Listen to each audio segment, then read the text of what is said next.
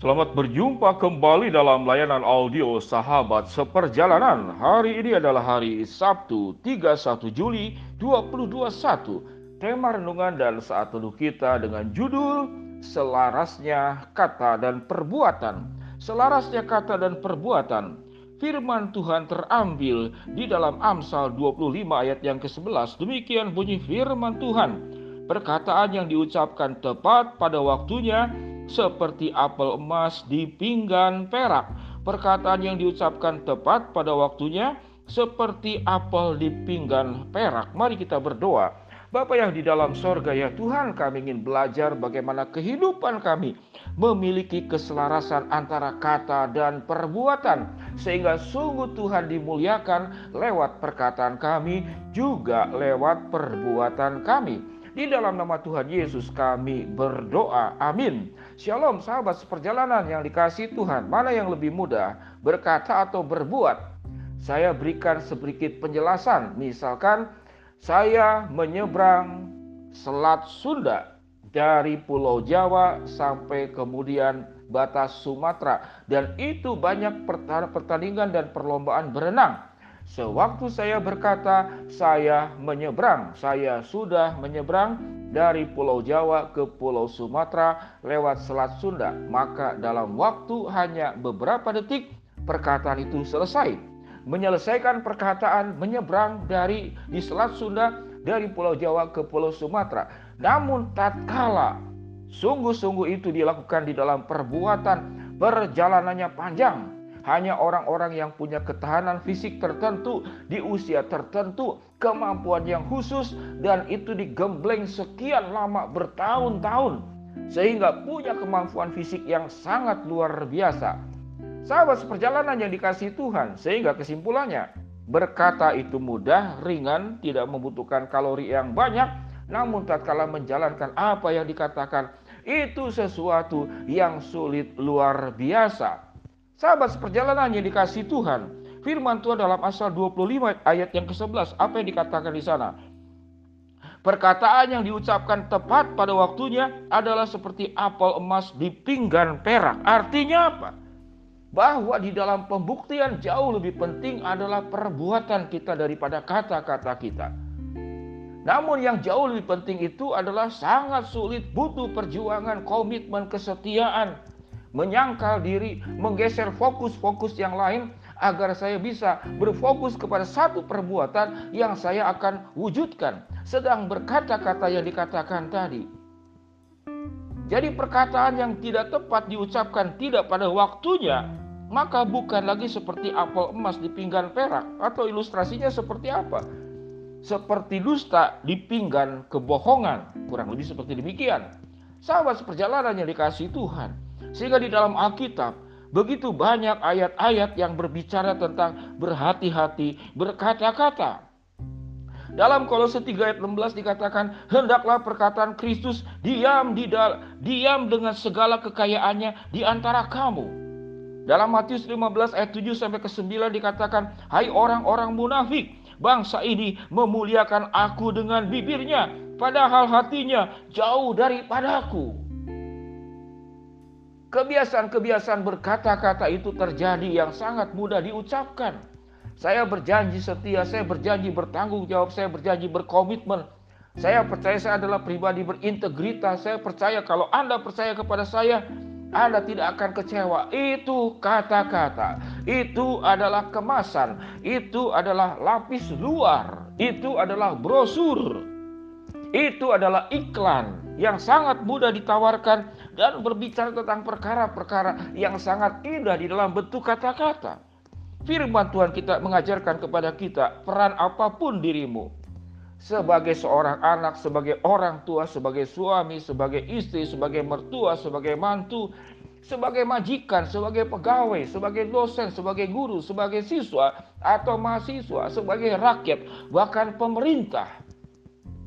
Bahwa perjuangan yang paling berat adalah bagaimana selarasnya kata dan perbuatan, sehingga perkataan yang tidak tepat diucapkan pada waktunya itu hanya akan memukul kita, mempermalukan kita, dan merendahkan martabat dirimu di hadapan orang lain. Sahabat seperjalanan yang dikasih Tuhan, Kita belajar di dalam banyak aspek. Di dalam dunia politik kadang-kadang ada istilah-istilah yang di, di apa dikatakan diselewengkan. Kalau gubernur yang tidak baik maka dikatakan gak benar.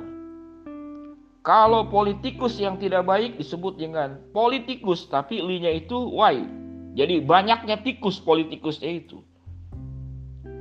Kalau kemudian presidennya tidak baik disebut dengan presiden. Presiden itu artinya sesuatu kejadian yang tidak baik. Sahabat seperjalanan yang dikasih Tuhan. Menjadi suami istri juga sama. Bagaimana menjadi suami yang baik? Menjadi istri yang baik itu tidak mudah. Sehingga suami ini punya hal yang sangat bahaya. Suami semakin kaya, semakin nakal. Para suami silakan jawab kalimat ini. Suami semakin kaya, semakin nakal. Istri semakin nakal, semakin kaya. Karena dengan kenakalannya dia bisa mendekati banyak laki-laki dan bisa memperkaya diri dari banyak laki-laki. Suami semakin kaya, semakin nakal, istri semakin nakal, semakin kaya. Sebagai seorang pendeta pun juga berbahaya. Berorientasi kepada materi atau berorientasi kepada Allah. Ada istilah kalau pendeta itu PDT, pegang dompet Tuhan. Jadi yang diutamakan tuh dompet uang sehingga menjadi pendeta bisa jadi bisnis. Ada jemaat yang agak mengerikan. Seorang jemaat berkata kepada saya, Pak Pendeta atau tidak, singkatan dari majelis. Ah, saya bilang, apa itu singkatannya? Majelis itu sebuah kehormatan yang tercatat di dalam Alkitab. Lalu dia katakan kalau seorang majelis tidak baik-baik menjadi majelis, kata dan perbuatannya tidak selaras, kalau saya gambarkan seperti demikian, maka majelis itu adalah singkatan. Saya katakan apa itu singkatannya? Majelis, manusia jelmaan iblis. Sahabat seperjalanan, pendeta, majelis, apa pun peran saudara, kalau kehidupan kita itu tidak selaras, kata-kata kita tidak selaras dengan perbuatan kita, maka kita sedang mempermalukan diri sendiri kita sedang merendahkan martabat diri kita sebagai gambar dan rupa Allah. Sehingga firman Tuhan jelas dikatakan Kolose 3 ayat 16. Hendaklah perkataan Kristus diam di dalam segala kekayaannya di antara kamu. Dan hendaklah perbuatan Kristus pun diam dengan segala kekayaannya di antara kamu. Kristus berkata dan berbuat itu selaras. Sehingga Yesus berkata, "Hendaklah engkau mengikuti jejak teladan penderitaan yang sudah aku teladankan kepada engkau." Sahabat perjalanan yang dikasihi Tuhan, perjuangan panjang. Bagaimana menjadi orang percaya yang selarasnya antara kata dan perbuatan. Biarlah kita lebih banyak berbuat dan sedikit berkata-kata. Karena orang yang terlalu banyak berbuat, dia tidak punya energi lagi untuk banyak berkata-kata apalagi berkata-kata yang tidak baik. Firman Tuhan dalam Amsal 25:11 dikatakan apa? Perkataan yang diucapkan tepat pada waktunya adalah seperti apel di apel emas di pinggan perak. Tapi perkataan yang diucapkan tidak tepat pada waktunya, hanya berkata dan tidak berbuat, adalah seperti kebohongan di pinggan kedustaan. Sahabat seperjalanan, biar kita menjadi orang percaya yang selarasnya kata dan perbuatan. Mari kita berdoa. Bapak yang di dalam sorga ya Tuhan hambamu berdoa buat seluruh sahabat seperjalanan kesulitan persoalan dalam hidup sering kali karena kami salah berucap, tidak tepat berkata, lebih banyak berbicara daripada berbuat. Ampuni segala dosa dan salah kami. Jadikan kami sebagai pribadi-pribadi sahabat seperjalanan yang selarasnya kata dan perbuatan. Hambamu berdoa bagi yang sedang sakit di rumah sakit ataupun di rumah. Tuhan jamah Tuhan sembuhkan. Buat sahabat seperjalanan yang sedang menghadapi kendala dan kesulitan. Tuhan bukakan jalan buat sahabat perjalanan yang sedang memohon berharap sesuatu kepada Tuhan.